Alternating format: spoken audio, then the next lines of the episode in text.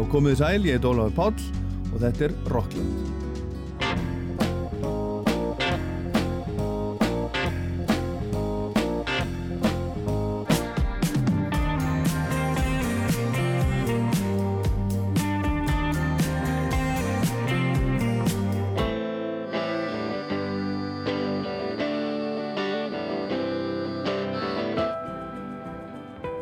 Þann 12. mars fyrir 30 árum og tveimu dögum kom út platan Out of Time með hljómsveitinni R.E.M. Hún sem sagt afmæli og við ætlum að halda upp á það í Rocklandi í dag. Við heyrum nýlegt viðtal við bassarleikaran Mike Mills þar sem hann rifjar upp þann tíma þegar þeir félagar voru að gera plötuna og heyrum líka Unplugged upptökur með R.E.M. frá Ríkisútarpinu í Hamburg í Þískalandi, NDR, frá 5. mars 1991 en R.E.M. fór í kynningartúr um Evrópu og víðar til að kynna plötuna á sínum tíma og spilaði óramagnað hér og þar. Þeir ferðust um í lestum og, og voru með allar græur með sér. Svo heyrum við nokkur lög af nýjum Mogwai plötunni sem fór beint í, í toppsæti breska vinsættalistans fyrir halvu mánuðu þegar hún kom út, öllum að ofurum og ekki síst hljómsveitinni sjálfri. Nýja platan As the Love Continues er tíunda plata þessara skosku hljómsveitar, Mogwai og, og engin hinna hefur náð tóknum í Brellandi. En við byrjum á ABBA.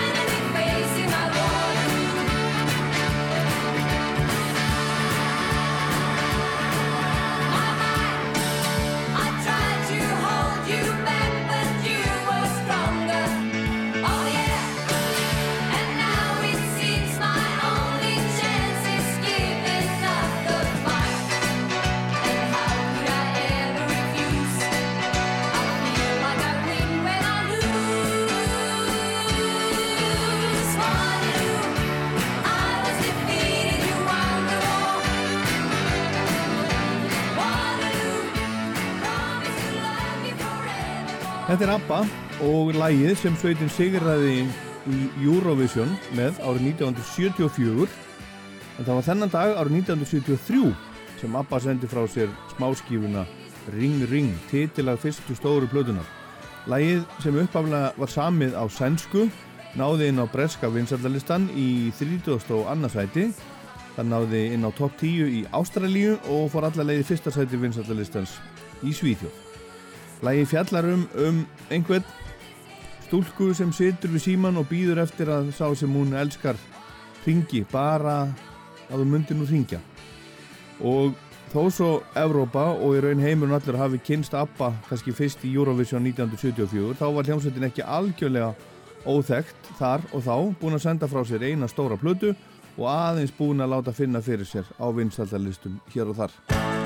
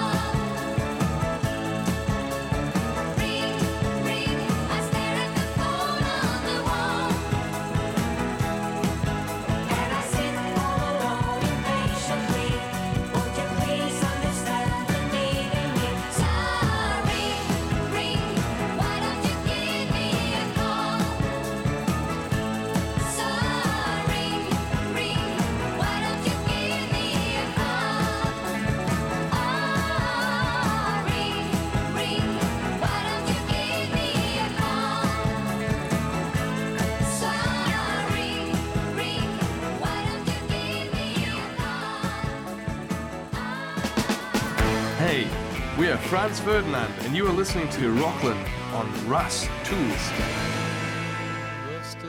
Þann 12. mars fyrir 30 árum og tveimur dögum kom út platan Out of Time með hljómsveitinni R.E.M. Hún á sannsagt afmæli þessi plata og við ætlum að halda upp á það í Rocklandi í dag. Out of Time er sjönda breyðskifa R.E.M. og sveitin var orðin nokkuð stór og vinsal þegar hún kom út en vinsaldir sveitarnar blésu út þegar Out of Time kom út. R.E.M. hafi verið stórt svona kvöld band, indie band en svo kom Out of Time og gerði hljómsveitina að einni vinsalustu hljómsveit heims. Platan settist í topp sæti vinsaldalistana bæði í Breitlandi og í bandarækjónum var í heila 109 vikur á bandaræska listanum og 183 vikur í Breitlandi. Platan seldist í rúmum 4 miljónum eintaka bara í bandarækjónum og 18 miljónum eintaka í það heila um allan heim. Hljómsveitin hlaut þrenn Grammy-velun fyrir plötuna 1992 þegar árið 1991 var gert upp, einn fyrir Best Alternative Music Album og tvenn fyrir fyrsta smáskífulega plötunar, stórsmöllin Losing My Religion.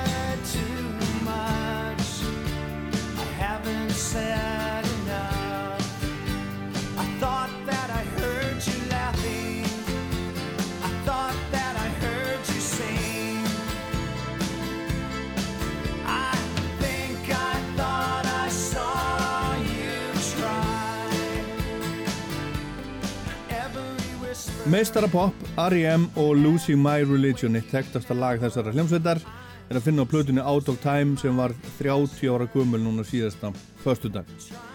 Sveitin fylgdi plötunni ekki eftir með eiginleiri tónleikaferð en þessi stað spilaði sveitin stutta tónleika á velvöldum útás og sjónvastöðum í, í Evrópum og bandarækjónum og einstaka tónlistarháttíð og hérna síður þættunum heyri við mitt eina slíka óramagnað upptöku frá Þíska ríkisútarpinu NDR í Hamburg 5. mars 1991 en Out of Time seldist gríðarlega vel í, í Þískalanda svona tíma og platan fór í fimmfalda gullsölu þar R.E.M. var þarna búin að vera starfandi í rétt rúman áratug sveitin á stopnuð í Athens í Georgíu bandaríkanum árið 1980 á þeim Bill Berry trommara, gítarleikarannum Peter Buck, bassanleikarannum Mike Mills og söngvarannum Michael Stipe. Þeir voru allir í námi við háskólan í, í Georgíu þegar þeir kynntust. Það er oft talað um, um R.E.M. sem var risa hljómsveit með Out of Time sem eina fyrstu indie eða alternative rocksveitina. R.E.M. var lítil indie hljómsveit sem varð mega og aðra hljómsveitir úr alternatív deildinni sem á koma aðeins setna eins og Nirvana og Pavement til dæmis töluðu um R.E.M. sem áhrifavalda og forsprakka í þessari alternatív deild. Plötur R.E.M. hafa selst í næstum 100 miljónum eintaka í það heila sem að er umtalsvert.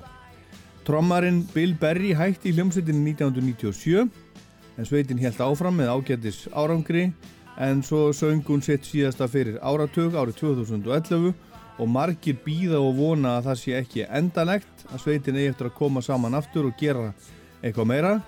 Ég veit ekki hvað ég á að veðja eiginlega á, á þar en R.E.M. var frábær hljómsveit sem ég náði að missa eitthvað einu sinna sjá á tónleikum. Sá þá á Glastonbury árið 2000 minni mig.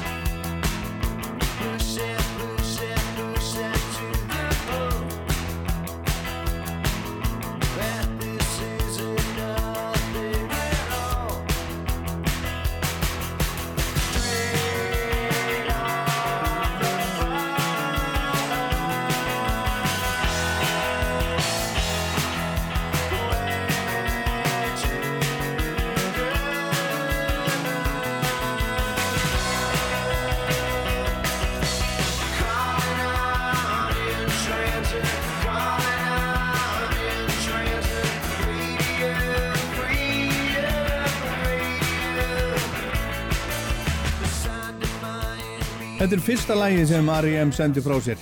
Radio Free Europe þumari 1981 og það var lítið fyrirtæki sem gaf út pínulítið Hiptone sem lifði stutt.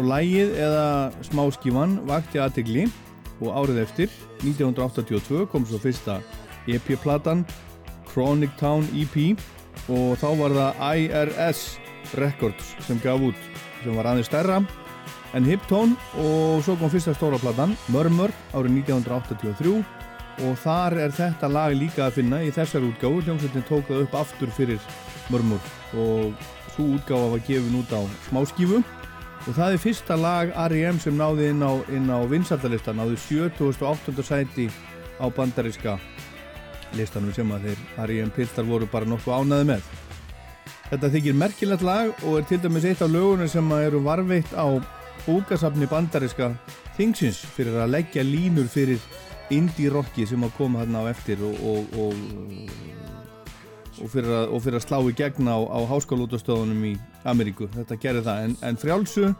stóru útastöðunar í Ameríku letu R.E.M. fram hjá sér fara til að byrja með.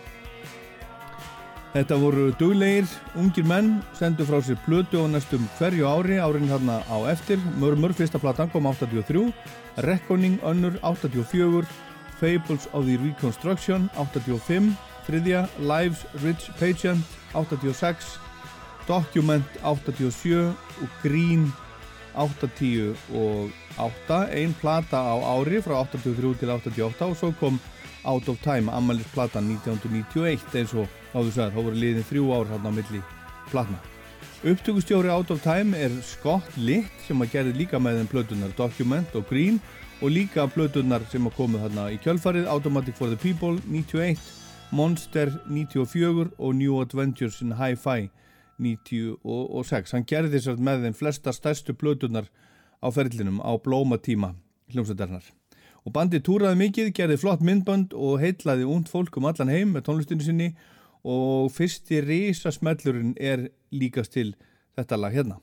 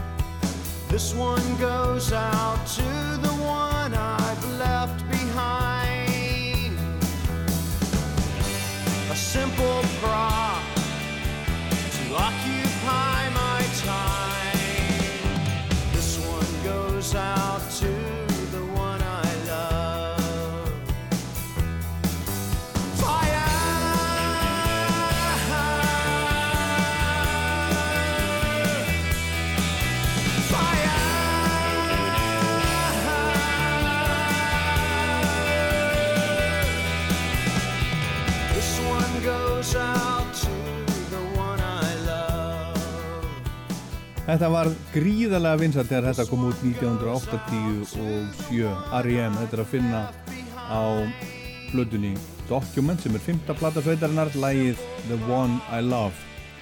Document er fyrsta platan þar sem hljómsveitin er skráð sem upptökustjóri með Scott Litt og þannig held áfram á blöðunum sem komið hann eftir. Þetta var samstarf En velgengni R.E.M. í kjölfarlagsins The One I Love kom þeim á samning hjá einu af reysa fyrirtækjónum í bransanum, Warner Brothers, og það voru nú ekki allir hryfnir af því og margir töluðu um svig aðdándu sveitarnar. Það gengi ekki að svona bandi eins og R.E.M., svona indie, alternative, underground band væri komið á samning við reysa eins og Warner. Útgáðan myndi án Eva skemma hljómsveitina skipta sér of mikið af því hvað hann var að gera og svo framvegis. Þetta væri glabræði og algjörlega glatað fast mörgum. En sagan segir okkur nú annað. R.E.M. fekk að gera það sem að þá langaði til eins og þá langaði til og aðdáðandu sveitarinnar fjölgaði til muna um, um allan heim. Og tónleikastæðinni sem þau spiluð á stækkuðu Við ætlum hérna á eftir að heyra unplugged upptöku frá Þíska ríkisútarpinu NDR í Hamburg frá 1991 frá uh, kynningatúrnum sem, sem að sveitin fór í. En fyrst heyrim aðeins í bassarleikaranum Mike Mills. Það var Laurent Marceau kollegi minn hjá EBU sem spjallaði stuttlega við hann núna um daginn í tilumni af, af 30 ára ammali Out of Time. Heyrim í honum hérna rétt á ettir Hey, I can't find nothing on the radio. Yo, turn to that station.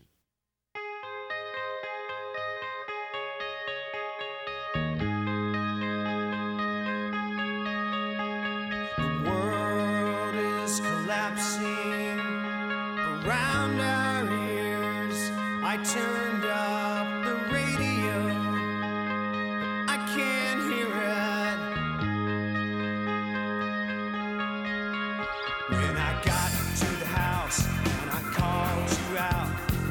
tell you had been crying, crying. It's that same, same song on the radio makes me sad. I meant to turn it off to say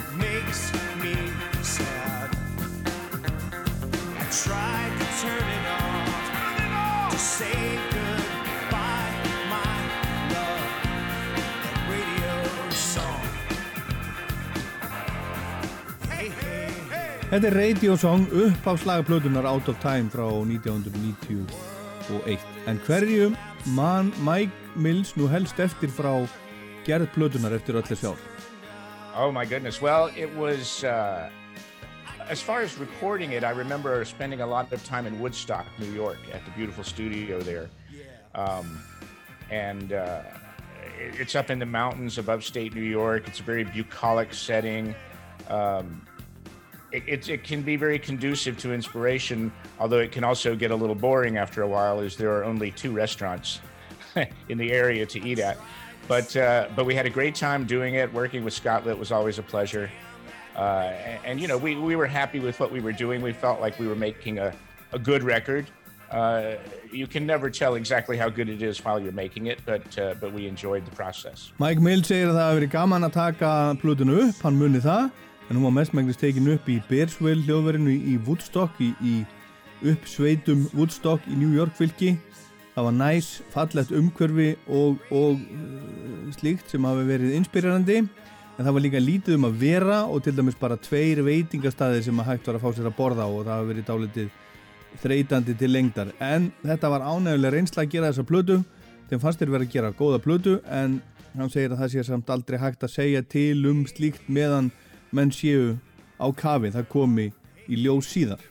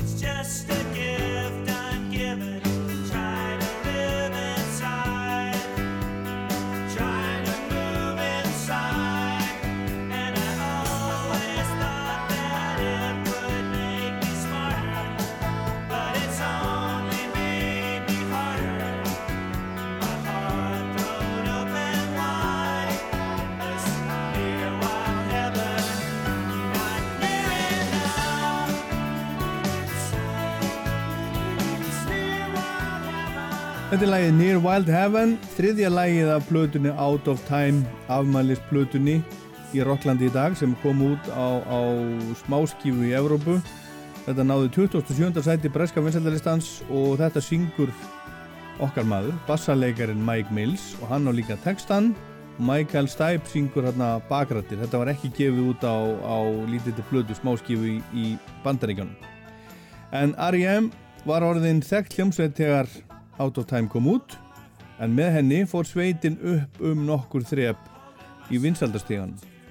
Well, we became aware of it as as uh, as we went along. Uh, it when you have a, a hit of the magnitude and scope of losing my religion, that's what takes you uh, into the realm. You, you, go from being a band that all the music fans love to being a band that uh, grandmothers will buy for their kids for Christmas. And, and that just takes you into a whole nother level of, of recognition and sales. Uh, when, when Peter and I did our promo tour in, uh, in Israel, we were at a, a disco in Ein Gedi, uh, and the, the kids kept asking the DJ to play Oh Life because that's how they knew the song. those, are, those are the words that they remembered. So they kept coming up to the DJ and saying, Play Oh Life. Uh, and you know, in that sense, we knew it had become pretty big. Um, we took a trip down into the Paraguayan rainforest in the jungle there, and uh, and they were playing "Losing My Religion." We heard it deep in, in the jungle, coming from I guess the Asuncion radio station. So when you're hearing a song in places as far flung as that, uh, you know that you've you've reached people that you would never reach before. Já, þeir fóru frá því að vera hljómsveit sem, sem ungir krakkar sem að voru að fylgjast með tónlist þekti yfir að vera hljómsveit sem ömmur keiftu blöður með til að gefa barnabörnuna sínum í jólagjafir. Það er heimin að hafa þar á milli, segir Mike Mills.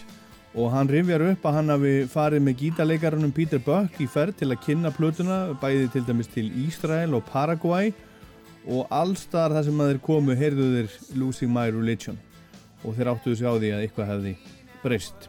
Þeirra tilvera hefði öll breyst.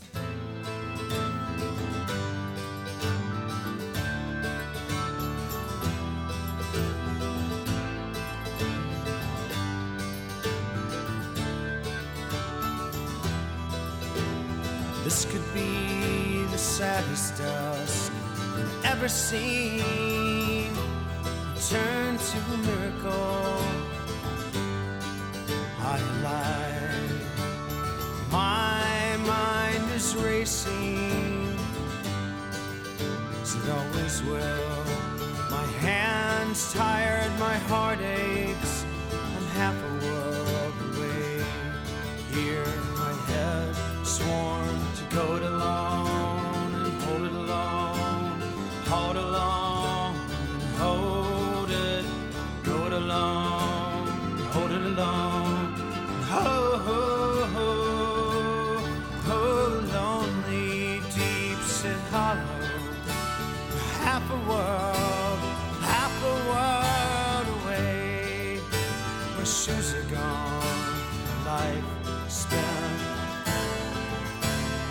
Had too much to drink. I didn't think, I didn't think of you. I guess that's all. Go it alone and hold it alone. Hold along and hold it. Blackbirds backwards, forwards and fall. Half a World Away af blöðinni Out of Time sem kom út 1991. 12. mars fyrir 30 áru síðan. Það eru tveir áberandi gestir á blöðinni með R.E.M. Rapparinn KRS-One er í uppháfslægi blöðunar Radio Song sem við heyrðum á þann og svo er Kate Pearson úr hljómsveitinni B-52s með í lagi sem að varð ansið vinsalt og heitir Shiny Happy People It's, it's a good idea, especially after you've made a few records, to possibly add a new dimension to the sound. Um, you, you start looking for ways to differentiate one record from the next so that you don't repeat yourself. Uh, plus, it's really fun to work with artists that you like and respect. Um, you, you just broaden your palette. You, you create uh, different things for people to hear and be interested in. Um, you know, it was it was it was interesting to work with a with a hip hop artist, a rap artist. Uh, you know, that's not exactly our field, so it's good to to stretch yourself a little bit and move into something that that you may not be quite as comfortable with as you as you were with other things. Uh, Kate was an old friend. Of course, we love the B-52s, and she's got a magical voice, and and uh, you know, it was really an honor that she uh, agreed to sing on our record um, it, it's just a fun thing to do to play with other people because uh, you know we, we love playing uh, music with each other but after uh, you know after 10 years of doing that it's nice to to be able to uh, see how other people affect the sound of your music. That's that's what i'm saying. It gives another dimension to your sound besides just the same four guys doing it. Mike Mills segir að þó svo það hafi verið gaman að spila með gamlu félagunum í bandinu hafið þeim þótt skemmtilegt þarna eftir tíu ára samstarfa að brjóta það aðeins upp og fá gesti á plötuna á svonum tíma. Rapparan KRS-One sem kom úr allt öðrum jarðvegi en þeir og svo Kate Pearson sem var gömul vinkonu þeirra og þeim fannst frábært að fá hana til liðsvísi, sannur heiður. Og það bætist ný vitt við tónlistina þegar maður býður nýju fólki að vera með, segir hann. Og B-52s er frá Athens í Georgiu eins og R.E.M.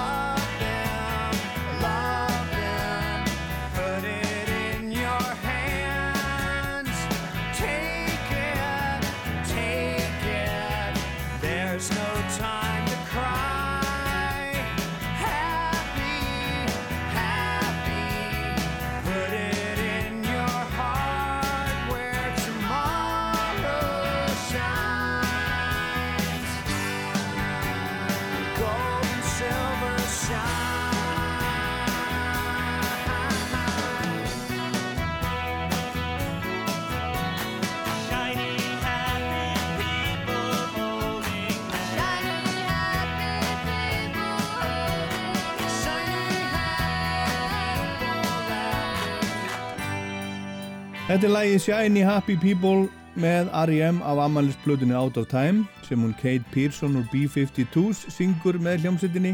Þetta var mjög svona tíma, náðinn á top 10 bæði á breska og bandariska vinsaldalistanum og hljómsveitin og Kate fluttu lægið í Saturday Night Live til dæmis. Og þetta kom til greina sem kynningalag Friends þáttana þarna á tímabili þegar þeir voru að fara í gang en svo var ákveðið að nota frekar Rembrandt lægi sem við þekkjum I'll Be There For You. Og textin í Shiny Happy People er ádela á kynversk stjórnvöld eftir fjöldamorðin á Tiananmen Square í Beijing árið 1980 og 9 Hljómsveitin fór í túr um Evrópu til að kynna plötuna á sínu tíma en samt ekki svona hefðbundin tónleikatúr. Þetta var, þetta var undir log fyrsta Persaflóðstrísins it, it was um, you know making music during times of turmoil uh, it, it can affect you or you can choose to shut it out and and try to make music that is not reflective of the of the upheaval that's going on in society.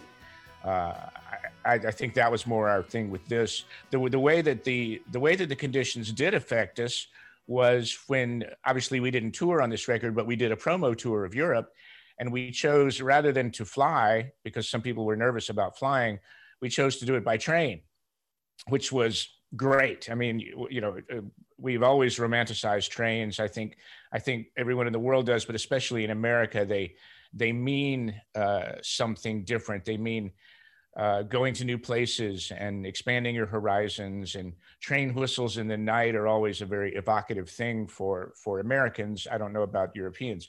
So to be able to do this entire tour by train was was fascinating. Obviously, you get to see parts of the country that countryside that you would never see. Uh, you learn how it feels to go into a tunnel while you're sleeping at night and have the shock wave wake you up. Um, it, it, was just it was a real thrill to be able to uh, to see the world from a different point of view. Já, Mike Mills, bassarleikari R.E.M. segir að þeir hafa ekki verið mikið að blanda pólitík inn í plötuna á sunnum tíma. Það sé eina aðferð við að gera músík þegar þau tekið ákvörðun um það en þeir ákvaðu svo að fara ekki í hefðbundna tónleikaferð til að fylgja plötun eftir heldur fóruður í kynningarherferð um Evrópu til dæmis og ákvaðu að fljúa ekki á milli staða vegna þess að einhverjir í hófnum voru, voru rættir við að fljúa, ég er nú ekkit með þá reynu hverjir hver eða hverjir það voru en þeir ferðuðust með lestum sem sagt í staðis að fljúa og það fannst Mike skemmtilegt ákveðin romantík fólkin í því að ferðast um Evrópu með lestum.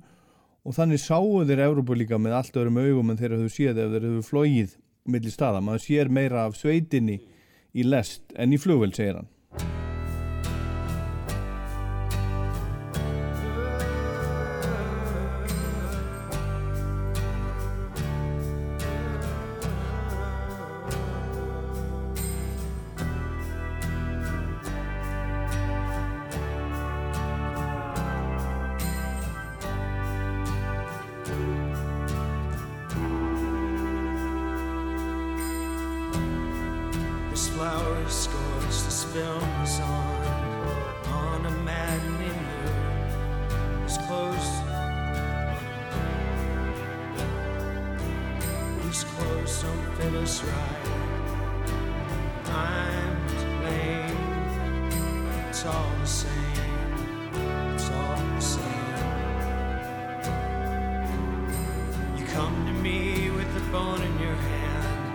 come to me.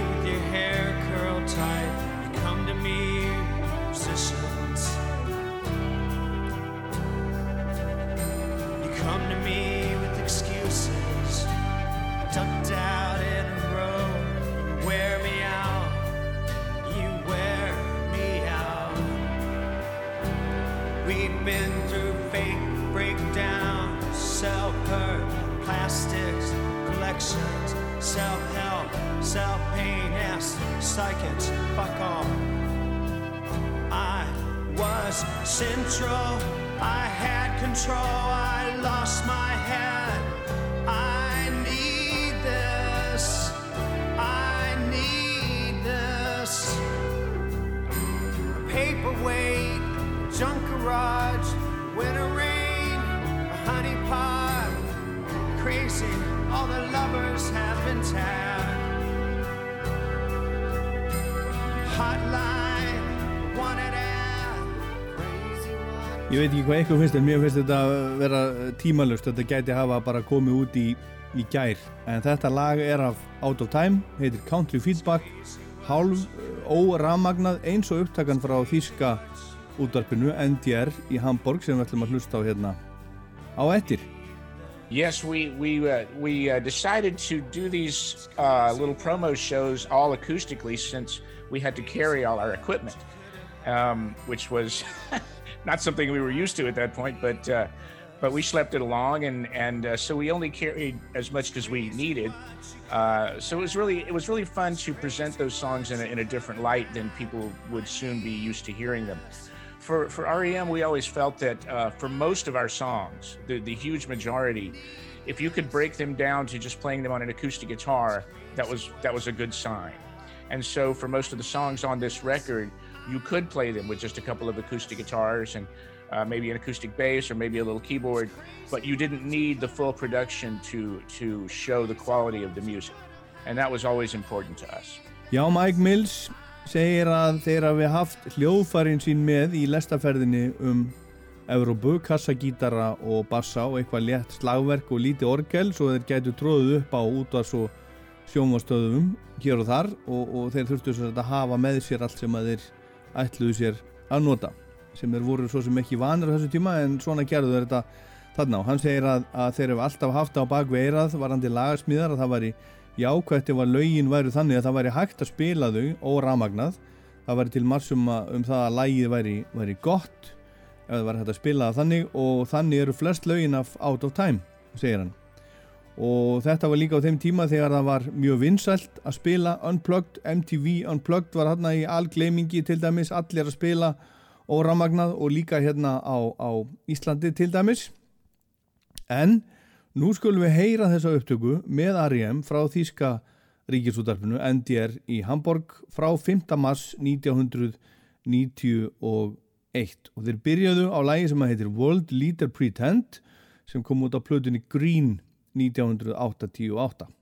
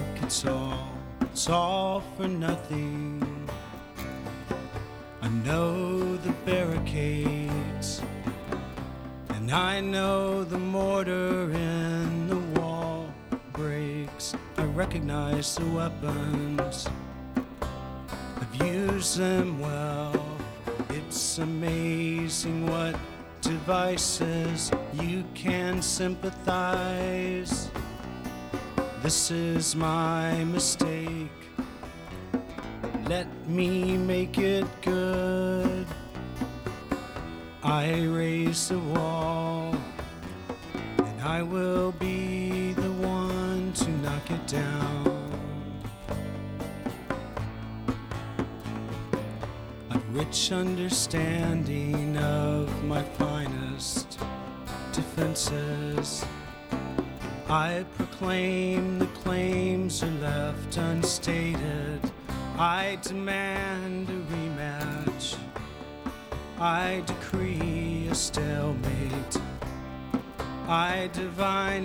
Deeper motives.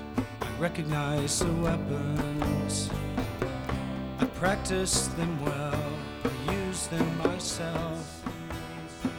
What devices you can sympathize? This is my mistake. Let me make it good. I raise the wall,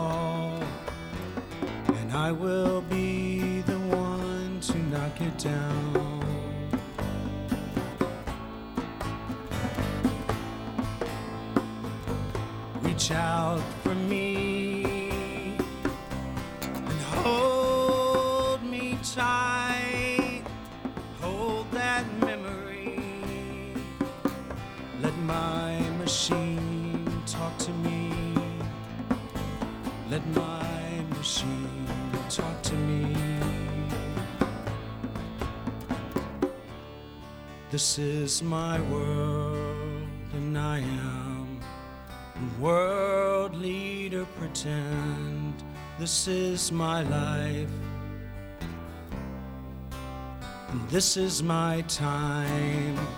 I have been given the freedom to do as I see fit. It's high time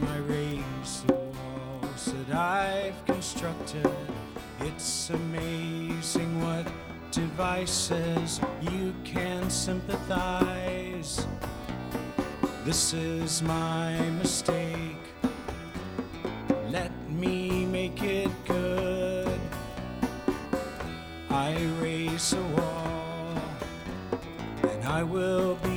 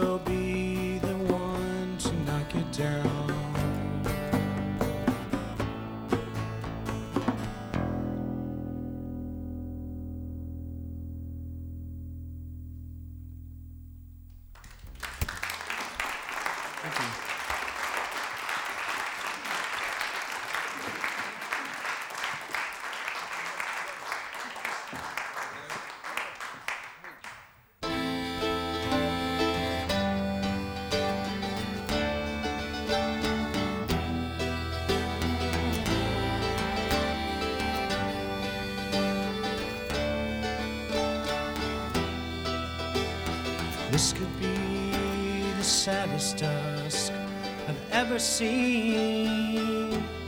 Turn to miracle. High alive, my mind is racing. As it always will. My hands tired, my heart aches. I'm half a world away. Here I had sworn to go it alone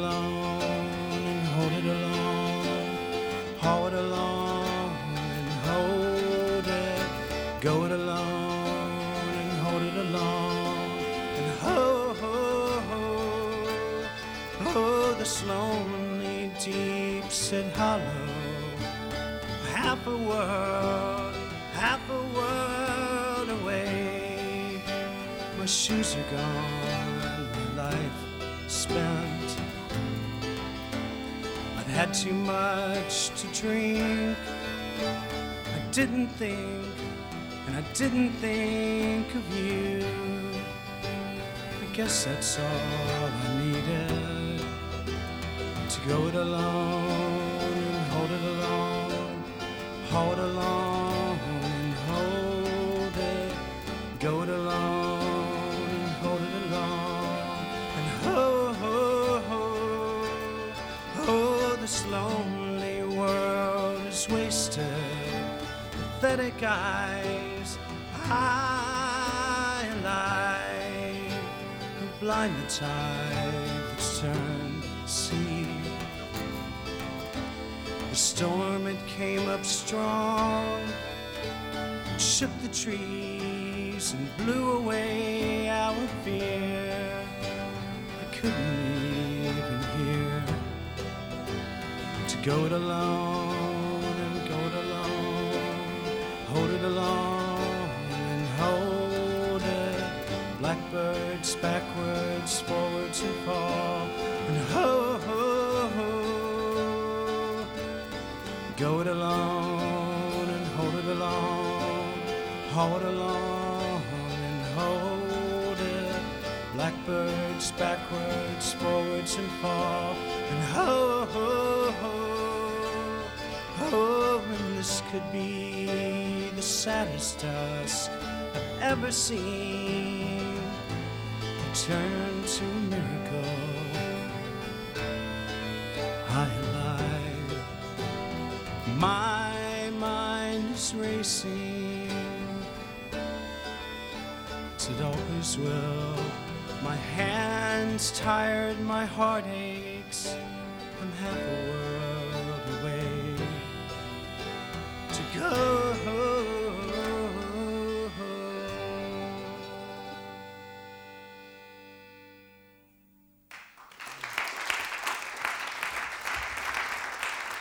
Thank you.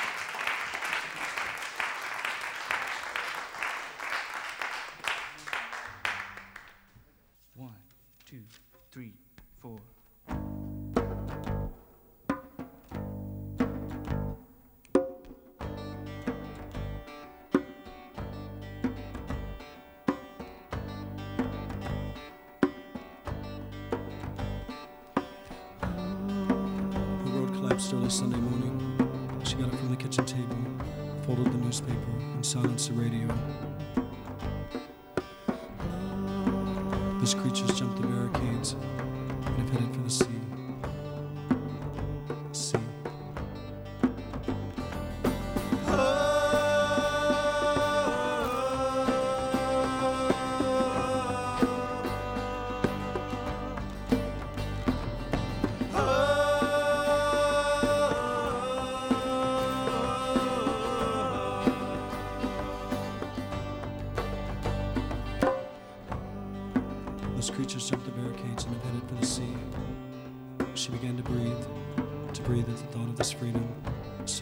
her child, We belong. She held the child and whispered with calm,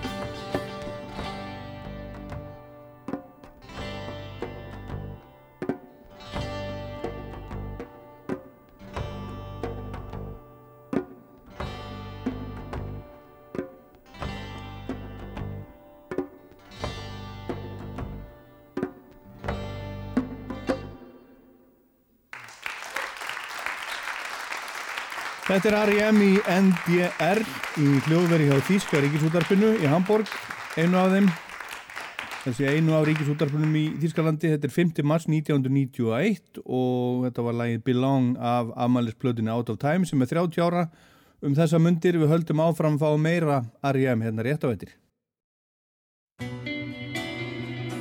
Hi, this is Rockland on Icelandic National Radio 2, and this is Will from the Bunnyman and Glide saying hi and keep listening. Tra.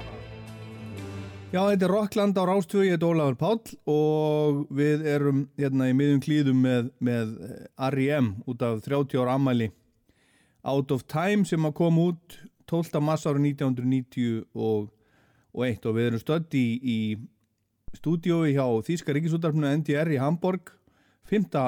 mars 1991 og við heyrum næst lag sem heitir Fretless, það kom ekki út á plötunni, það kom út í kvikmynd eftir Wim Wenders nokkrum mánuðum eftir Out of Time kom út.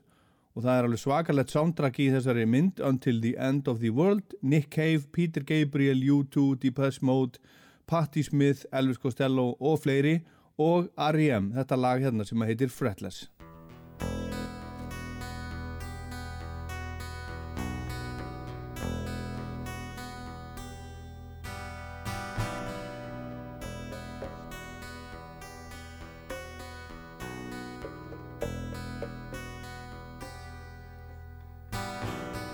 got his work, and she comes easy. They each come around when the other is gone. Me, I think I got stuck somewhere in between. I couldn't confide in the prodigal son. The die has been cast, the battle is won. Bullets were blanks, a double I gun. I couldn't admit to a minute of fun. They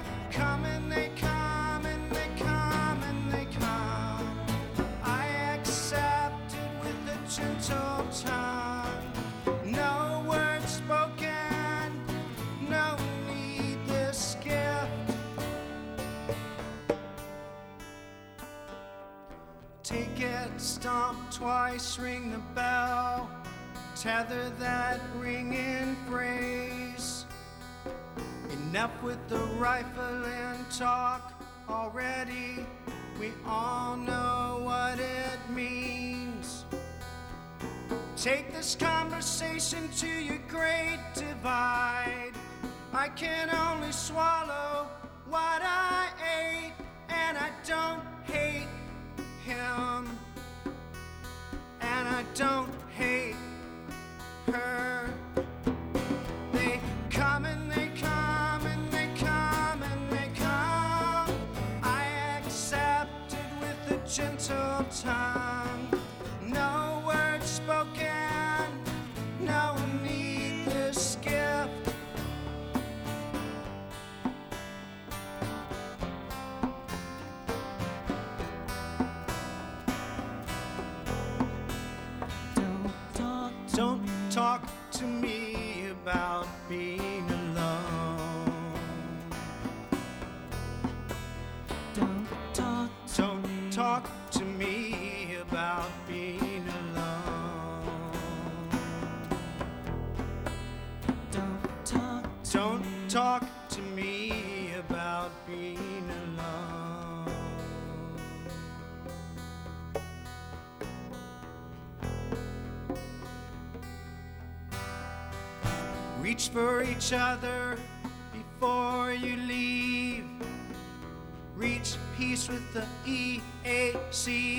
Don't threaten me with a gentle tease. Don't threaten me with angry. Please, please, please don't try to tell me what I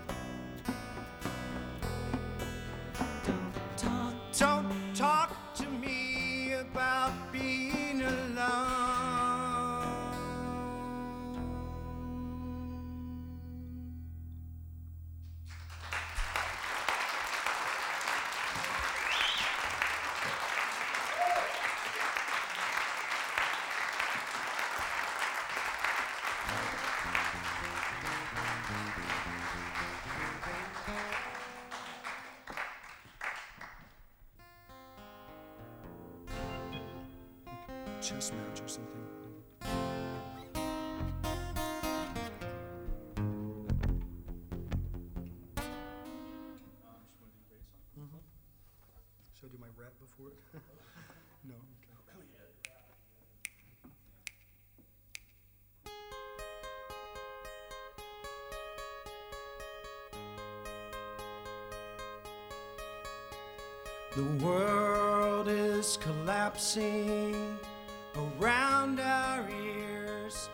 Turned up the radio, but I can't hear it. When I got to the house and I called you out, I could tell that you had been crying. It's that same sing song on the radio makes me sad. I tried to turn it off say goodbye to leave and quiet radio song.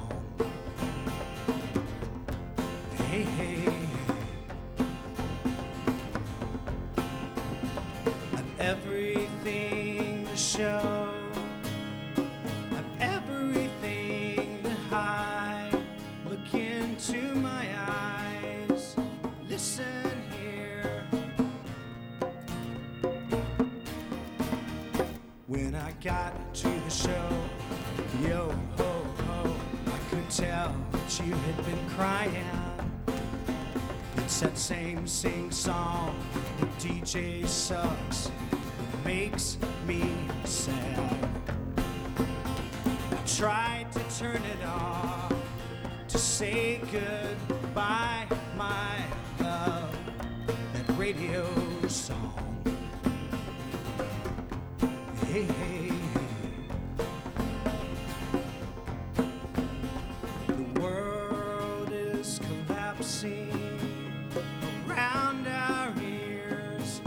Turned up the radio, but I can't hear it. Yeah.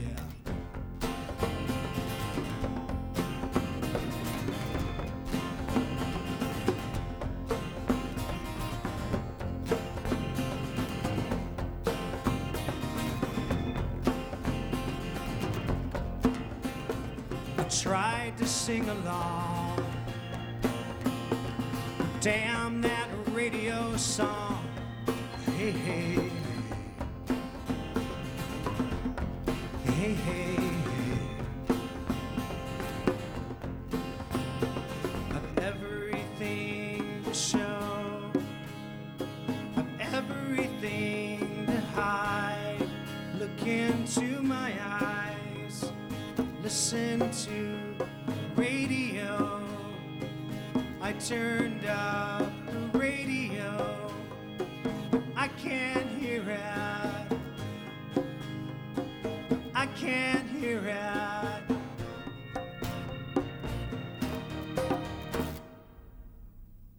Hey, hey, hey, hey. Hey, hey, hey. Hey, hey,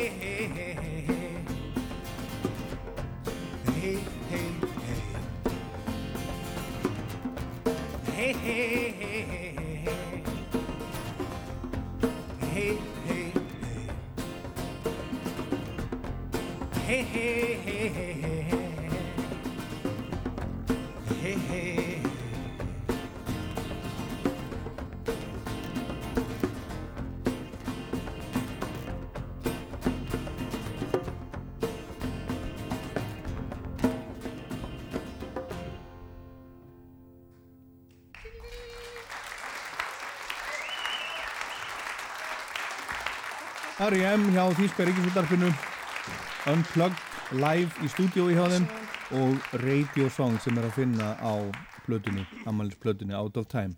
Og næsta lag sem við heyrum, þetta er ekki alveg búið með þetta tvö lög, næsta lag er á plötunni Green sem var næsta plata á undan Out of Time kom út 1990, 1988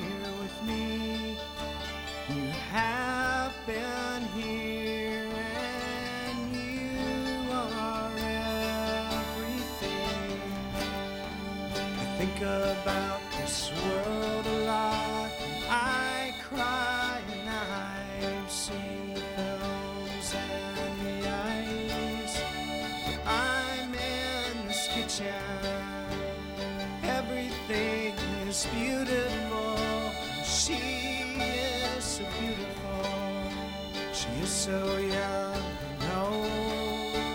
I look at her and I see the beauty of the light of music. The voices talking somewhere in the house. Late spring and you're drifting off to sleep with your teeth in your mouth. You are here. You are here with me. You have been here and you are everything.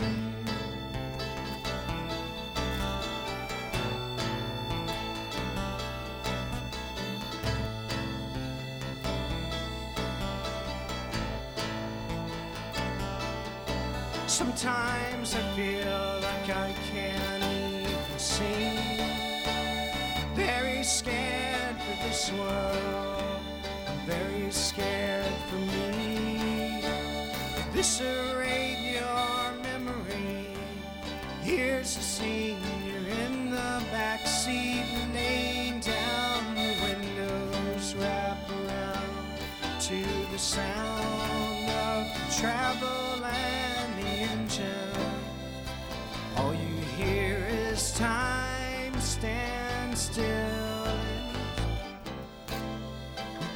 such peace and absolute.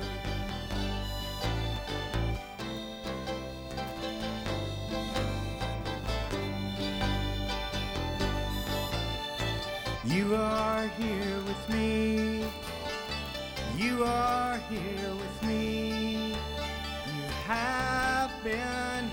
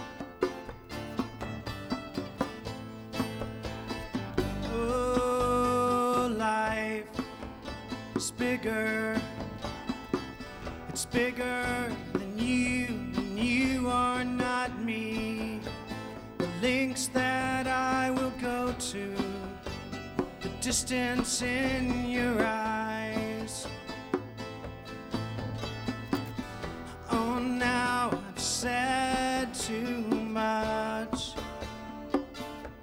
I set it up.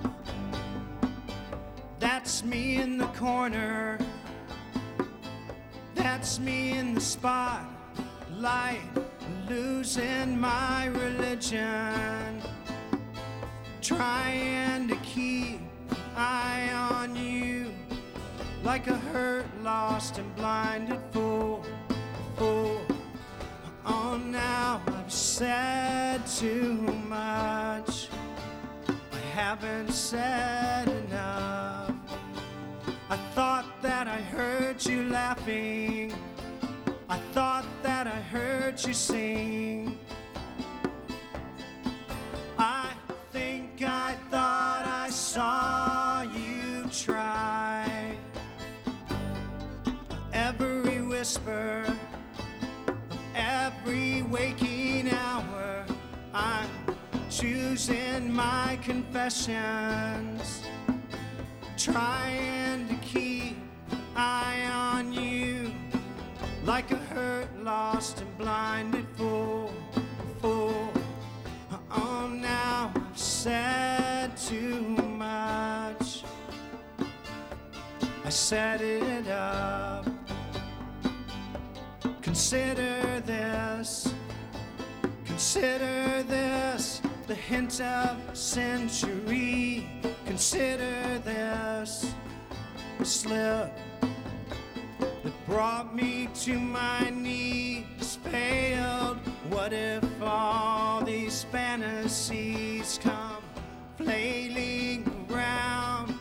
Now I've said, now I've said too much.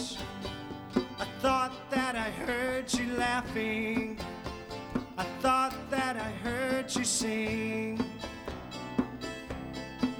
I think I thought I saw you try.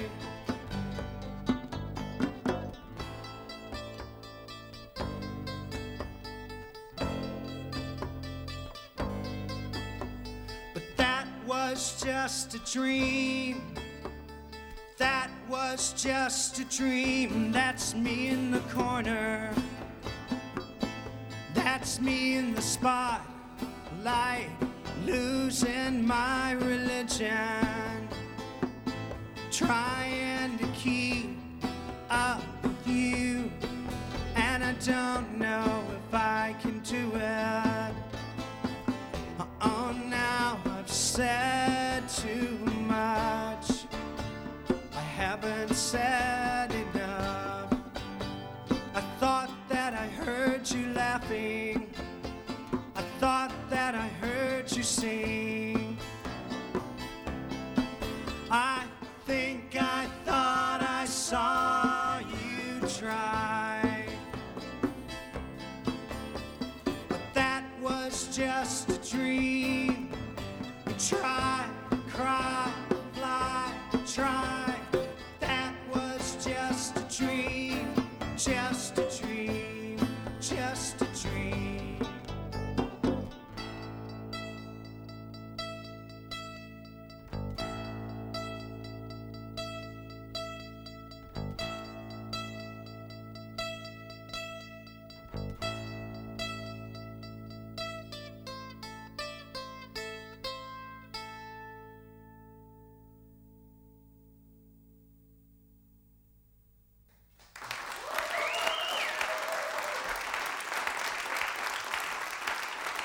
R.E.M. 5. mars 1991 hjá NDR Tíska ríkisútarpinu í Hamburg Lucy My Religion enduðu þarna á, á, á risa smellinu sínum en þetta voru Michael Stipe, söngur Peter Buck, gítar og mandolin bassi, Mike Mills og Bill Berry á, á slagverk og með þeim auka maður, 50 maður á gítar og hljómborð var svo maður sem heitir Peter Holzapple segjum þetta gott af R.E.M. og ég þakka kollegum mínum hjá EBU fyrir þetta fína efni.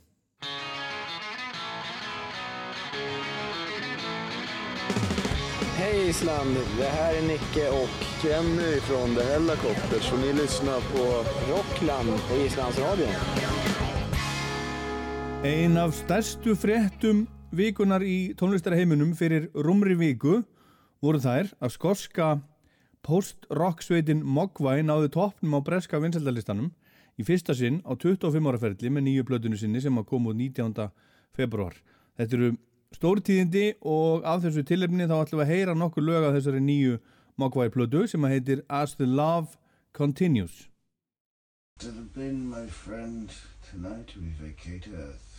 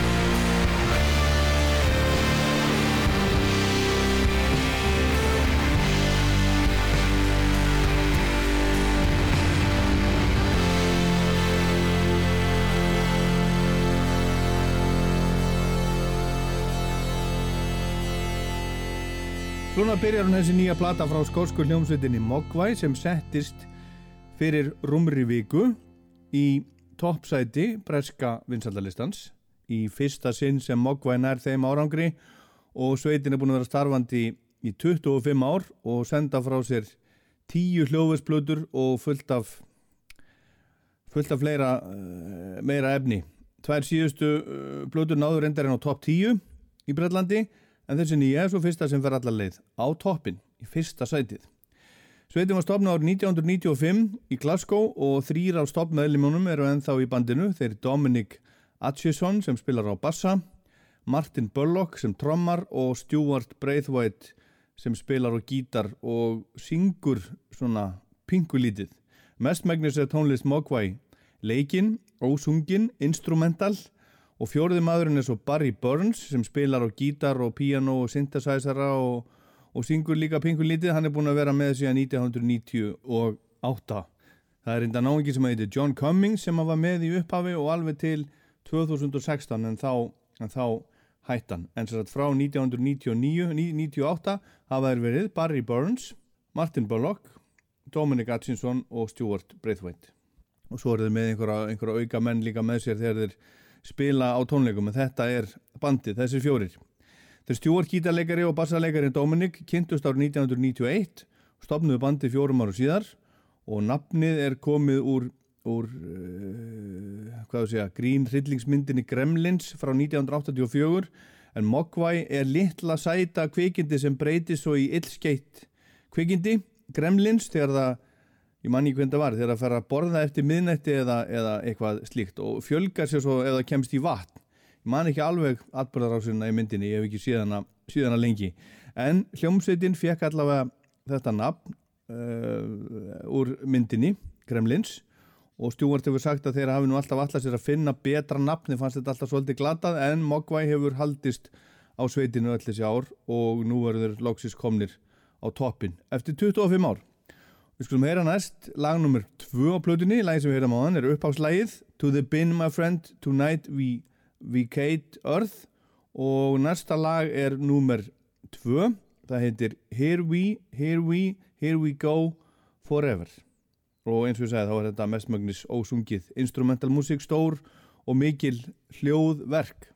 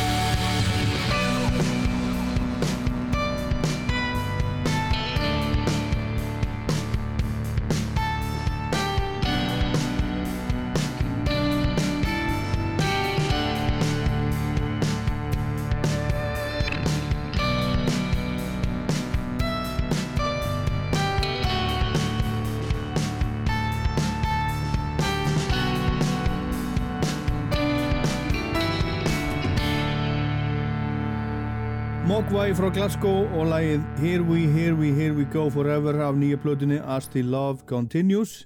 Það hljóma svolítið eins og eins og bíómyndamúsikan það hafa þeir gert svolítið af, af slíku. Þeir byrjuði að gera músik fyrir myndina um franska knaspinnumannin Zidane árið 2006 og var það ekki okkar einu sanni Sigurðun Sigvardsson sem að framleiti þá mynd og síðan hafa þeir gert tónlist fyrir nokkra kvikmyndir einur og sér og líka í samstarfi við við aðra. Þannig að þeir eru búin að gefa út tíu stórar uh, breyðskjúfur, svolítið af bíómyndamúsík eiginlega bara alveg slatta og, og fullt af EP-plötum og, og hitt og þetta.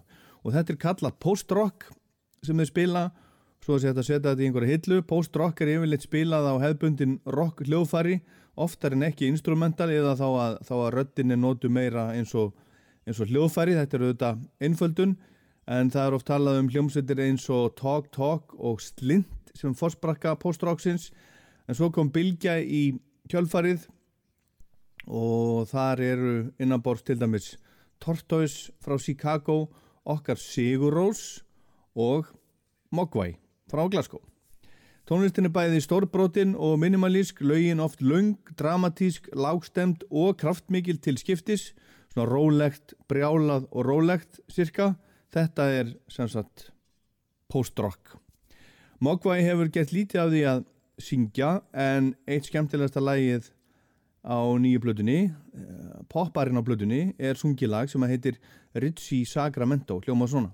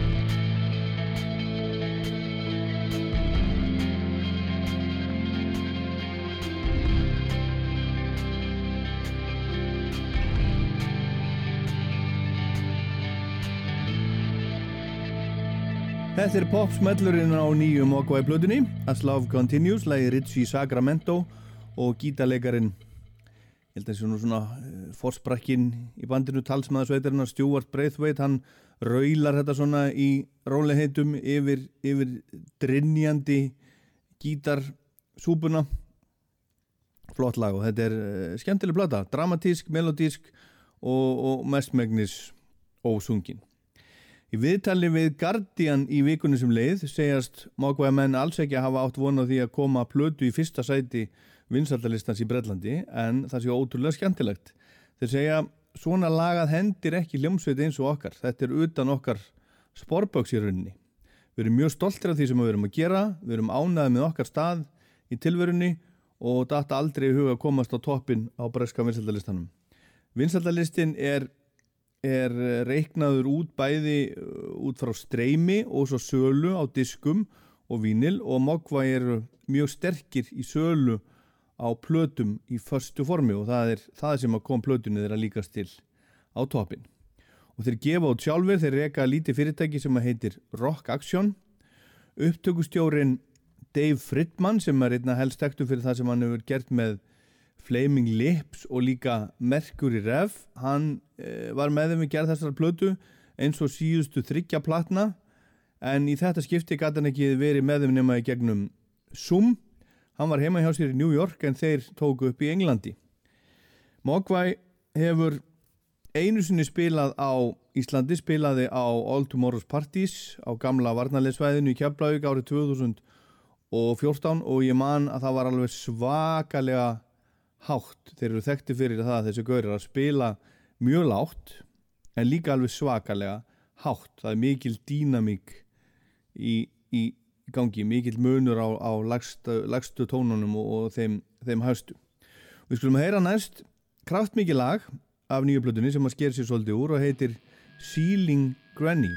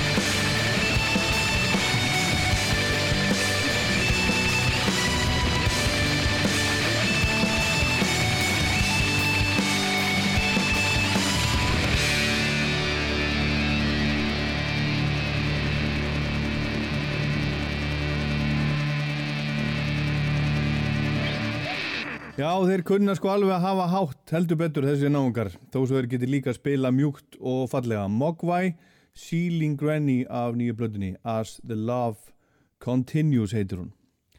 Þeir byrjuðu að semja lög fyrir þessa blödu í februari fyrir að skömmu áður en all lokaðist vegna COVID og þeir sömdu bara kallandir hver í sínu hodni heima hjá sér en hinga til þá hefur tónlist Mogwai orðið mest til skilsmér þegar þeir spila saman, allir saman í sama rými En það hafði sína kosti, segir Stuart Braithwaite, fórsparakkisveitarinnar, gítarleikari og stundum söngvari að vera innilokaður heimi á sér.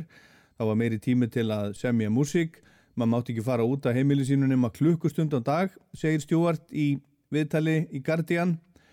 Og þeir hittu svo í stúdiói í Englandi, í Vata Studios í Alcester í Warwickshire í ágúst í fyrra til að taka upp Þeir ætlu uppálega að fara til New York í hljóðverðan Steve Fridman í Tarbox Studios en þeir komist ekki þangað vegna COVID og fóru þessuna til Englands og Dave upptökustjóri var bara með þeim á Zoom og, og það gekk bara ótrúlega vel. Stjóri segir að það hafi næstu því verið eins og hann hafi verið með þeim inn í stúdíónu og hann segir að hann hefur nú ekki verið allt á björnsitt náðu þetta fyrirfram en þetta hafi allt saman, allt saman uh, gengið upp. Þeir vildu endilega hafa hann með og hann miksaði plötuna auk þess að vera svona að stjórna upptökunum og á stóran part í plötunni, þetta er önnur platan í rauðu sem að Dave Fridman er með þeim mákvæði pildum á.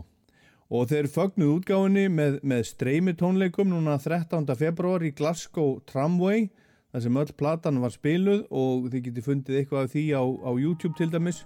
Og þeir sé að slakka til að fara að spila fyrir fólk þegar það verður loksins hægt.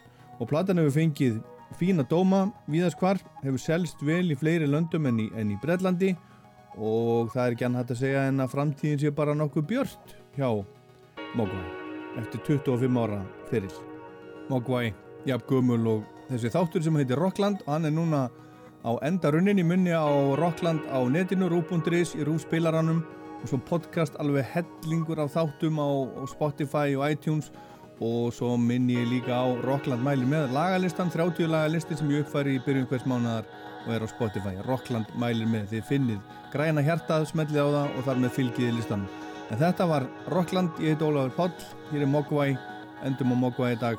Takk fyrir að hlusta